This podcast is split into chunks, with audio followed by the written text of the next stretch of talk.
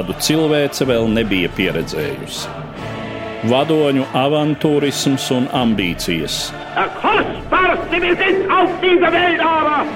Valsts vīru neizlēmība un ilūzijas. Arvien jaunas valstis ievilktas kara virpulī.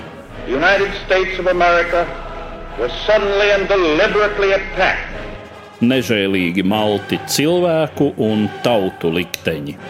Lai dzīvo darba tautas draugs un ģeniālais vadonis biedrs Stalins! Otrais pasaules karš sarunās ar Eduardu Liniņu raidījumu ciklā Satumsums. Labdien, cienījamie klausītāji! Tuvojoties 75. gadsimtai kopš Otrā pasaules kara noslēguma Eiropā, turpinu vēstījumu par šī kara norisēm, izmantojot fragmentus no raidījumu cikla Satumsums, kas pirmoreiz izskanēja ēterā no 2009. līdz 2015. gadam. Šodien par norisēm 1941. gada pirmajā pusē. Šai laikā lielākā daļa kontinentālās Eiropas Eiropas bija kritusi nacistiskās Vācijas rokās, taču no plāna par iebrukumu Lielbritānijā mēģinot sakaut Britu impēriju, Hitleram bija nācies atteikties. Eiropas austrumos jau brieda izšķirošā sadursme starp tobrīd vēl sabiedrotajiem Hitlera un Staļina režīmiem. Par otrā pasaules kara militāro norišu smagumcentru šai laikā kļuva Balkāni un Vidusjūras basēns, no kura Vācija un tās sabiedrotā Itālija Itālija pūlējās izspiest Britu impēriju. Itālijas centieni šai ziņā sākumā cieta smagu fiasko Ziemeļāfrikā, kur 1940. gada nogalē un 1941. gada sākumā Britu sadraudzības spēki atsvieda itāliešus no Ēģiptes un sāka iebrukumu Itālijas īpašumos tagadējās Lībijas teritorijā.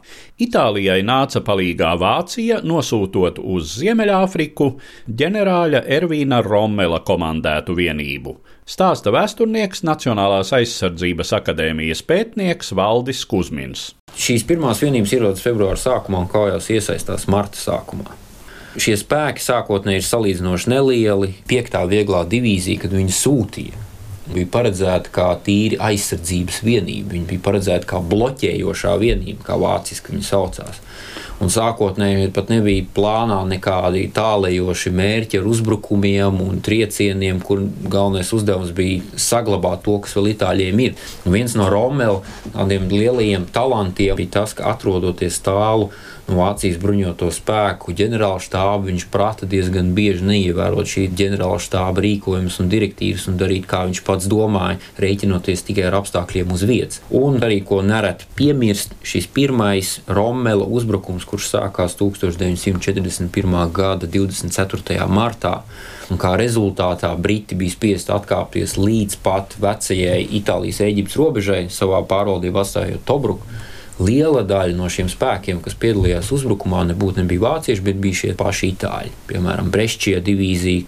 Un tā ir tāda ļoti īpatnēja lieta, kas šajās pirmajās kaujās it sevišķi līdz 1942. gada sākumam, kad visas karojošās puses ieguva pieredzi kara darbībai tūkstnesī, tas, ka ļoti bieži bija, sevišķi mēs runājam par tankiem un lidmašīnām apkalpes pieredze, kā dzīvot, kā karot, kā braukt tūkstnesī. Ko arī ļoti svarīgi piebilst, šis pirmais Lielbritānijas panākums operācijas kompas ietvaros tajā laikā, 1940. gada vasarā, bija pasaulē vislabāk apmācītā tanku vienībai kara darbībai tūkstnesī. Vācieši un itāļi neko tādu nezināja. Un, piemēram, šajā pirmajā Romēlu uzbrukumā Viens vācu tanku bataljons iesāka uzbrukumu marta beigās ar 65 tankiem, nobraucot nepilnīgi 150 km. Viņš nonāca līdz faktiskai kaujas vietai ar 8 tankiem. Itāļiem bija tas pats, savukārt nepieredzējušai Britu otrai tanku divīzijai bija tieši tas pats. Visa Kirenaikas pusēla bija piemētāta ar nebraucošiem tankiem, un svarīgais jautājums bija tas, kurš uzbruka, kurš atkāpjas. Tā bija tāda mazu karaspēku vienību kaujas, un arī tieši šajās kaujās pirmo reizi parādījās tajā laikā vēl ģenerāļa Ervīna Romela karavadoņa talants, ka viņš spēja burtiski just, kurā brīdī jāspiež šis bataljons ar astoņiem tankiem, kas būtu uzskatāms par pilnīgi kaujas nespējīgu. Tad šie, piemēram, astoņi tanki uzbrūk, savukārt Britu otrās tanku divīzijas astoņi tanki no 50 nevis uzbrūk, bet atkāpjas, jo viņiem taču tikai 8 tanki no 50. Šajā gadījumā es varbūt nedaudz vienkāršoju, bet šis pirmais uzbrukums 41. gada pavasarī un vasarā ļoti bieži izšķīrās no viņa vadoņa kvalitātēm, ko viņš spēja savus karavīrus un virsniekus paspiest vēl nedaudz uz priekšu, pierunāt viņus, pārliecināt viņus, ka vēl pēdējie divi kilometri var izšķirt kaujas iznākumu un arī nodrošināja šo varbūt pilnīgi pārsteidzošo kaujas iznākumu, kāds tas bija 41. gada martā un aprīlī. Vēl tomēr jāpiemina arī tas, ka Britu spēki šajā brīdī Ziemeļāfrikā ir salīdzinoši novājināti.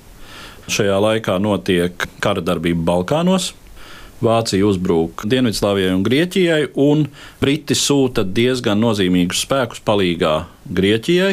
Šajā gadījumā pat nenovājināti, bet pilnībā varētu gandrīz teikt, ka likvidēta. Šī sestā Austrālijas divīzija, kas izcēlās Bardijas un Tobrukas ieņemšanā un praktiski nosoļoja pāri visam tūkstnesim, dzenot itāļu sev pa priekšu. Tad šī arī tā divīzija, kas tiek aizsūtīta projām uz Grieķiju. Tā vietā atsūtot 9. Austrālijas divīziju, kas tūkstnesī nekad nav bijusi, nekad tur kaujās nav piedalījusies un īsti nezināja, ko un kā darīt. Gan arī praktiski varētu teikt, tik sakaut un paglābās Tobrukā. Tas pats bija ar minēto otro tanku divīziju, kas pastāvēja vien pāris mēnešus un praktiski pilnībā iznīcināja. Tie paši itāļi saņēma gūstā šīs divīzijas komandieri tādā diezgan ironiskā veidā. Apmainījās lomām, un tā arī šī otrā tanka divīzija pazuda. Jo 7. tanku divīzija, tās slavenās tūkstneša žurkas, tika atvilkts atpakaļ uz Eģipti pārabruņošanai. Šīs izmaiņas bija ļoti, ļoti būtiskas. Izšķiroša operāciju veiksmē Ziemeļāfrikā bija kontrole pār vidusjūru, kur Lielbritānijas rokās atradās strateģiski atbalsta punkti, Gibraltārs pie izejas uz Atlantijas okeānu, Malta vidusjūras centrā un Kipra un Ēģipte jūras austrumdaļā. Turpina Valdis Kusmins. Arī šī kara darbība uz jūras priekš itāļiem attīstījās nepārāk sekmīgi, pat ņemot vērā to, ka Francija izstājās no šīs aktīvās karadarbības. Un šeit galvenais iemesls bija tradicionāli agresīvā Lielbritānijas kara flotes rīcība, pašpārliecinātā vidusjūras flotes virspavēlnieks Andrews Cunninghams sāka ar šo slaveno Taranto reidu, jo 1940. gada 11. un 12. novembrī pirmo reizi pasaulē uzbrukums jūras bāzei, kurš tiek veikts tikai ar aviācijas palīdzību. Jau 24 Sportfish torpēdu lidmašīnas uzbruka lielākajai Taranto bāzei, trīs no līniju kuģiem cieš diezgan pamatīgus bojājumus. Kā rezultātā, ja viņi atrastos atklātā jūrā, tad visticamāk arī nogrimt. Bet tā kā viņi atradās ostā, tad bija iespējas ļaut nogrimt nelielā dziļumā, un pēc tam Litorija jau tika remontēts 5 mēnešus, Dulio bija remontēts 6 mēnešus, pēc tam viņas atgriezās kaujā. Bet jau no paša sākuma Briti parādīja, ka viņi nedomā sēdēt Aleksandrijā vai Maltā vai Gibraltārā, bet ka viņi plāno uzbrukuma operācijas un darīt visu, lai nodarītu Itāļiem pēc iespējas iespējas lielākus zaudējumus. Daudz būtiskāks bija kauja pie Matapānas rāga 41. gada martā kur itāļi zaudēja trīs no saviem, varētu teikt, vismodernākajiem smagajiem kreiseriem kas burtiski tika sašauti lupatās no neliela attāluma. Galvenais iemesls bija tam, ka Britiem bija radars, savukārt itāļu kuģiem radara nebija. Līdz ar to kara darbība naktī priekš itāļiem bija līdzīga pašnāvībai. Viņi pilnīgi akli bakstījās tumsā, kamēr britu kara kuģi varēja redzēt jau kilometriem tālu un, un kontrolēt pilnībā situāciju. Līdz ar to šeit arī parādās viens no tādiem galvenajiem iemesliem, kādēļ Malta kļūst par ļoti svarīgu atbalsta punktu. Jo, lai nokļūtu uz Ziemeļāfriku, tad bija jābrauc Maltai ar lielu līkumu apkārt, 200-300 km. Jo lielāku līkumu viņi met apkārt Maltai, jo tuvāk viņi nonāca Aleksandrijas bāzē, kur savukārt atradās šie līnija kuģi, kuri varēja praktiski pilnīgi netraucēti darboties naktī un, piemēram, 41. gada rudenī arī nodarīja ļoti smagas zaudējumus šiem konvojiem, kas brauc no Itālijas uz Ziemeļāfriku. Tātad vai nu ir līnija kuģi, kas naktī ir ļoti efektīvi, vai nu tas ir nenogremdējamais Maltas bāzes kuģis, kuram ļoti tuvu jābrauc klāt, kur savukārt atrodas vieglie kara kuģi un lielākoties lidmašīnas, kas varēja nodarīt smagus zaudējumus. Tā kā pret līniju kuģiem cīnīties bija praktiski neiespējami, tad nācās mēģināt likvidēt Maltu kā aviācijas un vieglo flotes vienību atbalsta punktu. Un lielākais Maltas biedrs bija tieši aviācijas uzbrukums. Ja mēs, piemēram, ņemam 41. gada janvāri, kad šeit ieradās 10. Vācu aviācijas korpus tieši lai atbalstītu pirmās Romeļa vienības Ziemeļāfrikā, tad jau janvāris, februāris, marts 41. gadā jau kļūst par ļoti smagu pārbaudi Maltas iedzīvotājiem un Maltas atbalsta bāzei. Jo Malta pat par sevi neliela, diezgan kalnaina. Tur nav daudz lidlauku, kur viņi varētu atrasties. Vēl jau mazāk ir ostas vietas, kur var šos kuģus izkraut. Līdz ar to mērķi ir salīdzinoši maz. Visiem ļoti labi zinām, attālums no Sicīlijas līdz Maltai ir neliels. Līdz ar to galvenais uzsvars tika likts uz aviācijas spēku iesaisti. Parasti tas ir tāds, itāļi sit visi.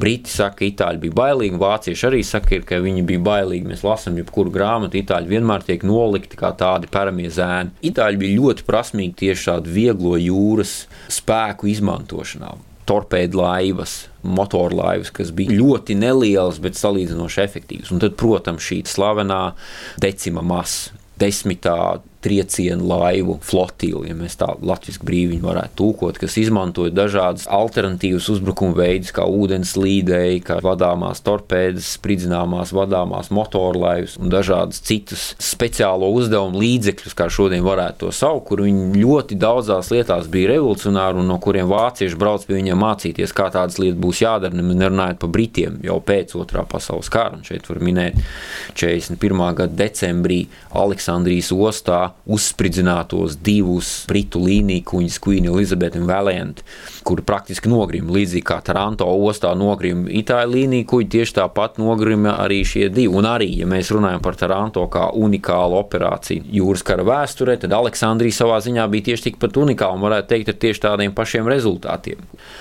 kara darbība vidusjūrā ir pazīstama kā konvoju kaujas. Vai tā bija Matapāna vai Spartivento raks, Sirtes līča kaujas. Visas šīs kaujas sākās lielākoties kā lielo konvoju aizsardzības kaujas. Tātad vai nu konvojs brauc no Aleksandrijas uz Maltu, no Gibraltāras uz Maltu vai divu kopā, vai nu konvojs brauc no Itālijas uz Ziemeļāfriku vai no Ziemeļāfrikas uz Itāliju. Un pamatā visu šo kauju mērķis bija nogādāt savus spēkus drošībā no punkta A uz punktu B un nepieļaut pretiniekam darīt to pašu. 41. un 42. gadā Malta bija pilnīgi atkarīga no šiem konvojiem. Un tad, kad kuģi ienāca Lavaletas ostā, tad bija svētki. Ja viņi neienāca, tad vispār nekā nebija. Un šajā gadījumā mums jāatzīst, ka itāļi darīja to melno darbu, kuru parasti nekad nenovērtēja. Jau kopš 1940. gada rudens turpinājās Itālijas nesekmīgie mēģinājumi sakaut salīdzinoši daudz mazāko Grieķiju. Tā kā kara darbība Balkānos potenciāli radīja draudus Rumānijas naftas atradnēm, kas bija galvenais Vācijas degvielas avots, Hitlers izšķīrās par iesaistīšanos kara darbībā pret Grieķiju. Karā iesaistīties Vācija bija gatava jau uzreiz 1940. gada rudenī, jau novembra sākumā, novembra beigās notiek apspriest, ko darīt ar šo situāciju. Jo tas uzreiz bija skaidrs, ka Grieķija karam ir gatavojusies. Jau nedēļu pēc kara darbības sākuma Grieķijas frontē iesaistīto karavīru skaita ziņā Grieķijai bija pārsvars pār Itāliju. Itālijai, protams, armija bija daudz lielāka, bet tā nebija Albānijā, tā bija Itālijā direktīvu, ko apstiprināja Adolfs Hitlers, direktīva numur 20, izdeva 1940. gada 13. decembrī, un tur jau tika iekļauti šie uzbrukuma pamatprincipi. Galvenais iemesls bija ne tikai palīdzēt Musolīnī, Galvenais dzenos, kas pamudināja Vāciju iesaistīties kara darbībā pret Grieķiju, bija Britu iesaistīšanās šajā kara darbībā. Jo jau 1940. gada oktobra beigās pirmās britu vienības ierodas Krētas salā, tātad Grieķijas teritorijā, kas ļauj Grieķiem atbrīvot vismaz vienu divīziju, kur apsargāja Krētu un pārvest to uz Grieķijas pamatteritoriju. Un šo britu karaspēku vienību transports turpinās sākotnēji tikai uz Krētas salu, bet Grieķijā ierodās Lielbritānijas gaisa spēku vienības, lidmašīnas, kas aktīvi piedalās kara darbībā. Un tas nenoliedzami bija galvenais iemesls, kādēļ Hitlers uzskatīja par nepieciešamu iesaistīties šajā kara darbībā un izslēgt no šī kara Grieķiju un pie reizes arī vājināt Lielbritānijas pozīcijas vidusjūras austrumu piekrastē. Jāatzīst, ka diezgan bieži literatūrā ir minēts, ka Hitlers īpaši nejūtās iepriecināts par šo iesaistīšanos karā pret Grieķiju. Plānošana uzbrukumam pret Grieķiju jau turpinājās visu ziemu, un skaidrs, ka atšķirībā no itāļiem, kas pilnīgi pārgalvīgi un savā ziņā arī stulbi sāka uzbrukumu ļoti sarežģītos apvidus apstākļos ziemas laikā. Vācieši savu uzbrukumu plānoja un arī vēlāk īstenoja, arī tad, kad šie laika apstākļi kļūst daudz labvēlīgāki. Tas ir 41. gada pavasarī.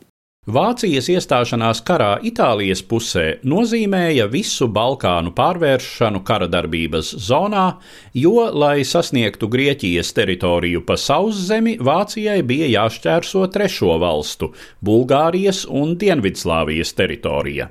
Jau agrāk pastāvējušās pretrunas starp Grieķiju un Bulgāriju ļāva diezgan viegli padarīt pēdējo par Vācijas sabiedroto. Sākotnēji te ir jāatzīmē, ka Grieķijai bija ilgstošas domstarpības un ilgstoši konflikti ar Bulgāriju. Un tas bija arī viens no Musolīnī plāniem, ka tiklīdz kā Itālija sāks kardarbību pret Grieķiju, šajā kardarbībā iesaistīties arī Bulgārija. Bulgārija tika uzskatīta par vistiešāko ieguvēju no jebkuras Grieķijas sakāves. Un šeit ir jāatzīmē arī, ka visslavenākās sagatavošanās, ko veica Grieķija otrā pasaules kara priekšvakarā bija savas nocietinātās līnijas izveidošana, kur tika nosaukta premjerministra Metaksas vārdā Metaksas līnija, kas bija uzbūvēta tieši aizsardzībai pret Bulgāriju. Bulgārija visu laiku tā nosacīt nepārāk stipri pretojās plāniem ka Vācija varētu iesaistīties, un ko vēlāk parādīja arī kara darbības. Bulgārija arī sāka uzbrukumu aprīļa sākumā pret Grieķijas teritorijā esošos trāķīs apgabaliem. Pēc tam arī Bulgārija salīdzinoši minimālā veidā iesaistījās Grieķijas atsevišķu apgabalu okupācijā un arī Dienvidslāvijas teritorijas okupācijā. Tā vienkāršot runājot, tas bija laika jautājums, ka Bulgārija piekristu Vācijas bruņoto spēku caurlaišanai, lai nodrošinātu pieeju tiešai Grieķijas teritorijai. Citāts izvērtās Dienvidslāvijas liktenis. Belgrada galu galā nebija gatava kļūt par Hitlera un Musolīnī sabiedroto, un tas izraisīja Vācijas, Itālijas un tās sabiedroto agresiju pret šo Rietumu Balkānu valsti. Dienvidslāvijas armija, piedzīvojot uzbrukumu teju no visām debesu pusēm, tika ātri sakauta. Valsts sabruka, tika okupēta, daļēji sadalīta starp uzvarētājiem, Horvātijā izveidojās marionešu režīms. Turpina Valdis Kusmins. 1941. gada 25. martā pakļaujoties diezgan lielam spiedienam, Dienvidslāvija pievienojās tā saucamajai Treisavienībai. Tad Dragīša Cvetkovičs, kas bija premjerministrs šajā laikā, viņš piekrita pievienoties šai savienībai. Un Dienvidslāvijas gadījumā šī pievienošanās Reissavienībai neturpinājās ilgi, jo 27. martā 1941. gadā notiek militārs pučs, kā rezultātā jaunais valdnieks Peters II kļūst par jaunu monarhu, tika iecelts jauns premjerministrs un militārā puča notikums tik strauji pārsteidza Vāciju un Adolfu Hitleru personīgi. Viņš pēc tam Keitelam bija minējis, ka to viņš no sākuma bija uzskatījis par lielu joku. Un tas uzreiz burtiski izmainīja šo situāciju. Un kara darbības plāns tika modificēts sevi iekļaujot arī uzbrukumu Dienvidslāvijai, lai gan šī jaunā Dienvidslāvijas valdība formāli neatteicās no šī Treisvienības pakta, bet tomēr Hitlers neuzskatīja, ka šī valsts būtu pietiekami uzticama un tādēļ tika pieņemts plāns par karadarbības uzsākšanu. Sākotnējie plāni par karadarbību pret Dienaslāviju eksistēja praktiski visām kaimiņu valstīm. Šeit mēs varam minēt Itāliju, kas jau 1940. gada vasarā un rudenī veida sarunas ar Vāciju, vai gadījumā nevajadzētu uzbrukt Dienvidslāvijai, bet šajā brīdī tas tika atlikts, jo Itālija pat pa sevi šādu uzbrukumu nevarētu veikt, bet Vācija tajā laikā nebija ieinteresēta. Zināmas domstarpības bija arī Ungārijai ar Dienvidslāviju, un Ungārija arī bija gatava piedalīties šajā kara darbībā, ko rezultātā arī darīja ar savu trešo armiju.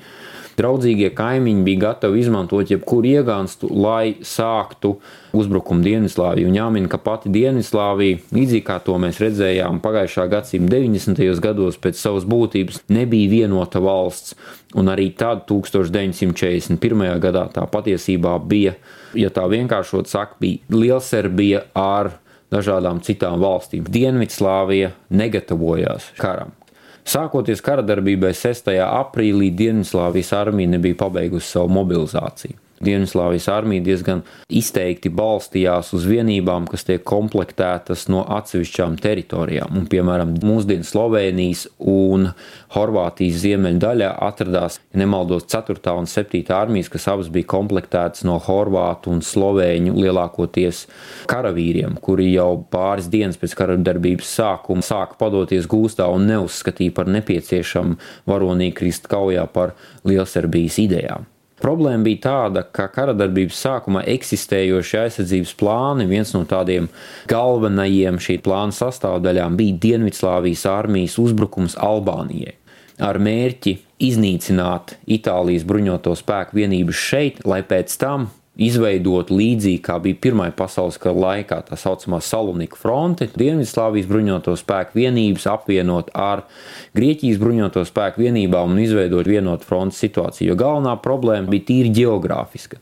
Uzbrukumu varēja veikt, kā jau teicu, no četrām debesu pusēm. No ziemeļrietumiem, Itālijas otrās armijas uzbrukums no ziemeļiem, no Austrijas teritorijas, no ziemeļaustrumiem, no Ungārijas teritorijas no austrumiem, no Rumānijas teritorijas un no dienvidu austrumiem, no Bulgārijas teritorijas. Dienvidslāva trešā armija arī sāka kara darbību pret Albānijas teritorijā esošajiem itāļiem, jo pēc trim dienām to bija spiest pārtraukt, jo pirmās vācu 12. armijas vienības jau atradās tagadējās Kosovas teritorijā, ieņēma Prištinu, un šis geogrāfiskais stāvoklis diktēja to, ka Dienvidslāvijas armija, ja viņi gribēja jau kādā veidā pretoties, tad to viņi varēja darīt partizāņu kara ceļā, ko viņi lieliski arī pierādīja turpmākajos otrā pasaules kara gados. Grieķijas frontē savā ziņā vāciešiem iebrukums Dienvidslāvijā diezgan stipri atraisīja rokas. Uzbrukums cauri tagadējās Maķedonijas teritoriju ļoti stipri atviegloja kara darbību pret Grieķiju. Grieķi praktiski neplānoja nekādu aizsardzību pret Dienvidslāvijas teritoriju, un šī frontes līnija, varētu teikt, bija praktiski nepiesēgta. Un liela problēma bija arī tā, ka grieķi nekādā gadījumā negribēja atteikties no sūri grūti iekarotajām Albānijas teritorijām pret itāļiem. Un plus, protams, grieķi arī negribēja atteikties no šīs metaksas līnijas, kura bija sūri grūti būvēta un tik dārgi izmaksā līdzīgi kā frančiem mažino līnija, un neviens tā negribēja atstāt un atkāpties. Lai gan Briti mēģināja pierunāt atkāpties uz īsāku aizsardzības līniju un vieglāk aizstāvāmu, Tomēr grieķi tam nekādā gadījumā negribēja piekrist, lielākoties aiz morāliem un politiskiem apsvērumiem. Un līdz ar to uzbrukums, kurš sākās 6. aprīlī, tas jau 9. aprīlī praktiski jau bija beidzies. Un galvenās triecienu vienības bija ne tik daudz vācu kalnu strēlnieki, kas uzbruka pret šo nocietināto līniju, bet gan 40. tanku korpusa vienības, kas iebruka Dienvidslāvijā un pēc tam tālāk dienvidu virzienā uz Grieķijas vidieni, kā arī otrā tanku divīzija, kas vienkārši apbrauc apkārt Metaksas līnija un jau 9. aprīlī nokļuva Egejas jūras piekrastē un ieņēma lielo Tesaloniku pilsētu. Līdz ar to visas šīs Grieķu otrās armijas daļas, kas atradās Trāķijas un Maķedonijas austrumu daļā, bija spiestas kapitulēt jau pāris dienas pēc kara darbības sākuma. Pēc tam tālāk tas jau bija lavīnas efekts. Epīras armijas komandieris Colakoglu atteicās atkāpties arī no Albānijas, lai nedotu itāļiem uzvaras garšu. Un līdz ar to šī epīras armija arī praktiski pāris dienas laikā, jau aprīļa vidū, ir spiesta lielākoties kapitulēt. Un jau līdz 24. aprīlim praktiski Grieķijas ziemeļdaļa un arī Grieķijas vidiene jau ir vācu un itāļu karaspēku vienība ieņemta. Un Šajā brīdī jau galvenais spēks, kas aizstāv Grieķiju, lielākoties tie ir šīs V-Force, Jaunzēlandes divīzijas un Austrālijas divīzija karavīri, kas sāk aizsargāt slavenu termopīlu pārēju, kuras aizstāvība beidzās tikpat traģiski kā pirms pāris tūkstošu gadiem. Tad viņi apiet līdzīgi kā apgājas partiešus. Un jau 27. aprīlī vācu motorizētās vienības iebrauca Grieķijas galvaspilsētā Atēnās, un jau burtiski nākamajās dienās pieņemts lēmums par Lielbritānijas bruņoto spēku vienību evakuāciju no Grieķijas pamatteritorijas uz Krētas salu. Viena mēneša laikā Grieķijas aizstāvība ir beigusies, un šeit varētu tikai minēt, kā būtu, ja Grieķijas bruņoto spēku vadība būtu piekritusi ieņemt taktiski daudz prātīgākas aizsardzības līnijas, nekā viņi to izdarīja īstenībā. Krētas ieņemšana ir savā ziņā tāds revolucionārs solis militārajā vēsturē, jo Krētas salas ieņemšana bija pirmā militārā operācija pasaules vēsturē, kuru veids tikai gaisa desanta vienības operācija Merkūrs, kas sākās 1941. gada 20. maijā. Un galvenie teiksim, aktieri bija tieši vācu gaisa spēku desantnieki un Wehrmachtā planieru strēlnieki, vai kā lai viņus sauc. Līdz 20. maijam, līdz brīdim, kad sāk šī operācija, Krētas salā atrodas apmēram 15,000 austrāliešu un angļu, nedaudz vairāk par 6,000 jaunzēlandiešu un apmēram 10,000 grieķu, kuru kaujas spējas bija diezgan apšaubāmas. Galvenais uzbrukums bija Vācu gaisa spēka 8. korpus, kura galvenās trieciena vienības bija kopumā apmēram 15,000 gaisa desantnieki. Tur bija dažādas karaspēka vienību pārvietošanas tehnoloģijas, gan šie planieri, kas nosēdās ieņemtos lidlaukos, gan tie, kas patiešām izsēdās ar izpletņiem, kas bija diezgan liels pārsteigums. Gan Britiem, un savā ziņā arī diezgan liels sasniegums, lai gan diezgan bieži šo operāciju mēdz dēvēt par pirra uzvaru, jo lielie zaudējumi gaisa desanta operācijas laikā pavilka tādu treknu svītru pāri nākamajiem plāniem. Tā patiesībā bija pirmā un varētu teikt arī pēdējā lielā gaisa desanta operācija, ko Vācijas bruņotie spēki veica. No 15,000, kas šajā operācijā ņēma dalību, 4,000 krita un 2,600 tika ievainoti. Un lidmašīnu zaudējumi, varētu teikt, bija tikpat katastrofāli no kopumā iesaistītajiem nepilnu tūkstošu lidmašīnām 370 tika bojātas vai iznīcinātas, no kuriem lielākā daļa bija transporta lidmašīnas. Lai gan gaisa desanta sastāvdaļa bija sekmīga, tad Krētas sala ieņēma un Briti bija spiesti no Krētas salas evakuēties ar ļoti smagiem zaudējumiem, 4000 kritušo un apmēram 17,000 gūstā saņemto. Tomēr šeit arī ne viss gāja tik gludi, jo operācijas sastāvdaļa bija arī jūras desants, apmēram 7000 kalnu strēlnieku, kas pārvietojās nelielos grieķu zvejnieku kuteros un kurus britu kara flote pārķēra atklātā jūrā. Šīs vienības izvairījās no pilnīgas iznīcināšanas tikai pateicoties itāļu torpēdu kuģu uzupurēšanās piemēriem, kur šie torpēdu kuģi praktiski nostājās starp britu kuģiem un mazajiem kuteriem un ļāva sev sašaut lupatās, ļaujot vācu vienībām atkāpties. Zaudējumi Britiem bija ļoti smagi. Viņi tik daudz nebija zaudējuši iepriekšējā gandrīz nepilna gada laikā kara darbībā ar itāļiem uz jūras, cik viņi zaudēja šajās pāris nedēļās, mēģinot evakuēt sauszemes vienības no Krētas uz Aleksandrijas apkārtni, jo vācu pikējošie bumvedēji un arī itāļu torpēdu nesēji nodarīja ļoti smagas zaudējumus evakuācijas operācijas laikā. Atlicis viens jautājums, ko parasti uzdod šo Balkānu notikumu sakarā. Cik lielā mērā tas ietekmēja Vācijas plānus uzbrukt Padomju Savienībai? Šī kara darbība Balkānos nenoliedzami ietekmēja varbūt ne tik daudz plāna atlikšana vai izmaiņas kā tādas, bet viennozīmīgi aviācijas vienību iesaistīšanā, kaut vai Krētas ieņemšanā, aviācijas tanku vienību iesaistīšanā Dienvidslāvijā un visur citur atņēma Vācijas virspavēlniecībai nepieciešamos spēkus spekulācija vienmēr ir diezgan plaša, cik ļoti, piemēram, mēnesis. Jā, ja kara darbība sāktos nevis 22. jūnijā, bet piemēram 22. maijā vai 1. jūnijā, vai Vācijas bruņotajiem spēkiem pietiktu labais laiks, lai viņi varētu aizbraukt, pieņemsim, līdz Maskavai, nevis pa dubļu ceļiem, kā viņi to darīja 41. gada oktobrī, novembrī, bet, piemēram, to darīt jau pa sausiem ceļiem augustā, septembrī.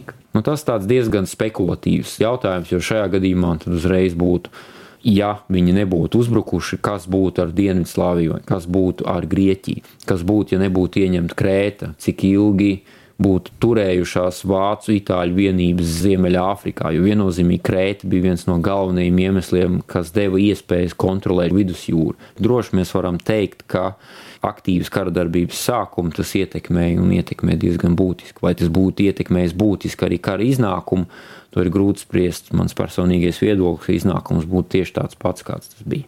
Par turpmākajām otrā pasaules kara norisēm, kas tieši skāra arī Latviju, proti Vācijas un Padomju Savienības kara sākumu, klausieties mūsu nākamajā raidījumā.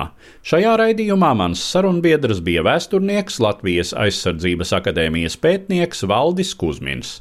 Uz redzēšanos, cienījamie klausītāji! Raidījumā šīs dienas acīm cikls Satumsums Sarunas par Otro pasaules karu.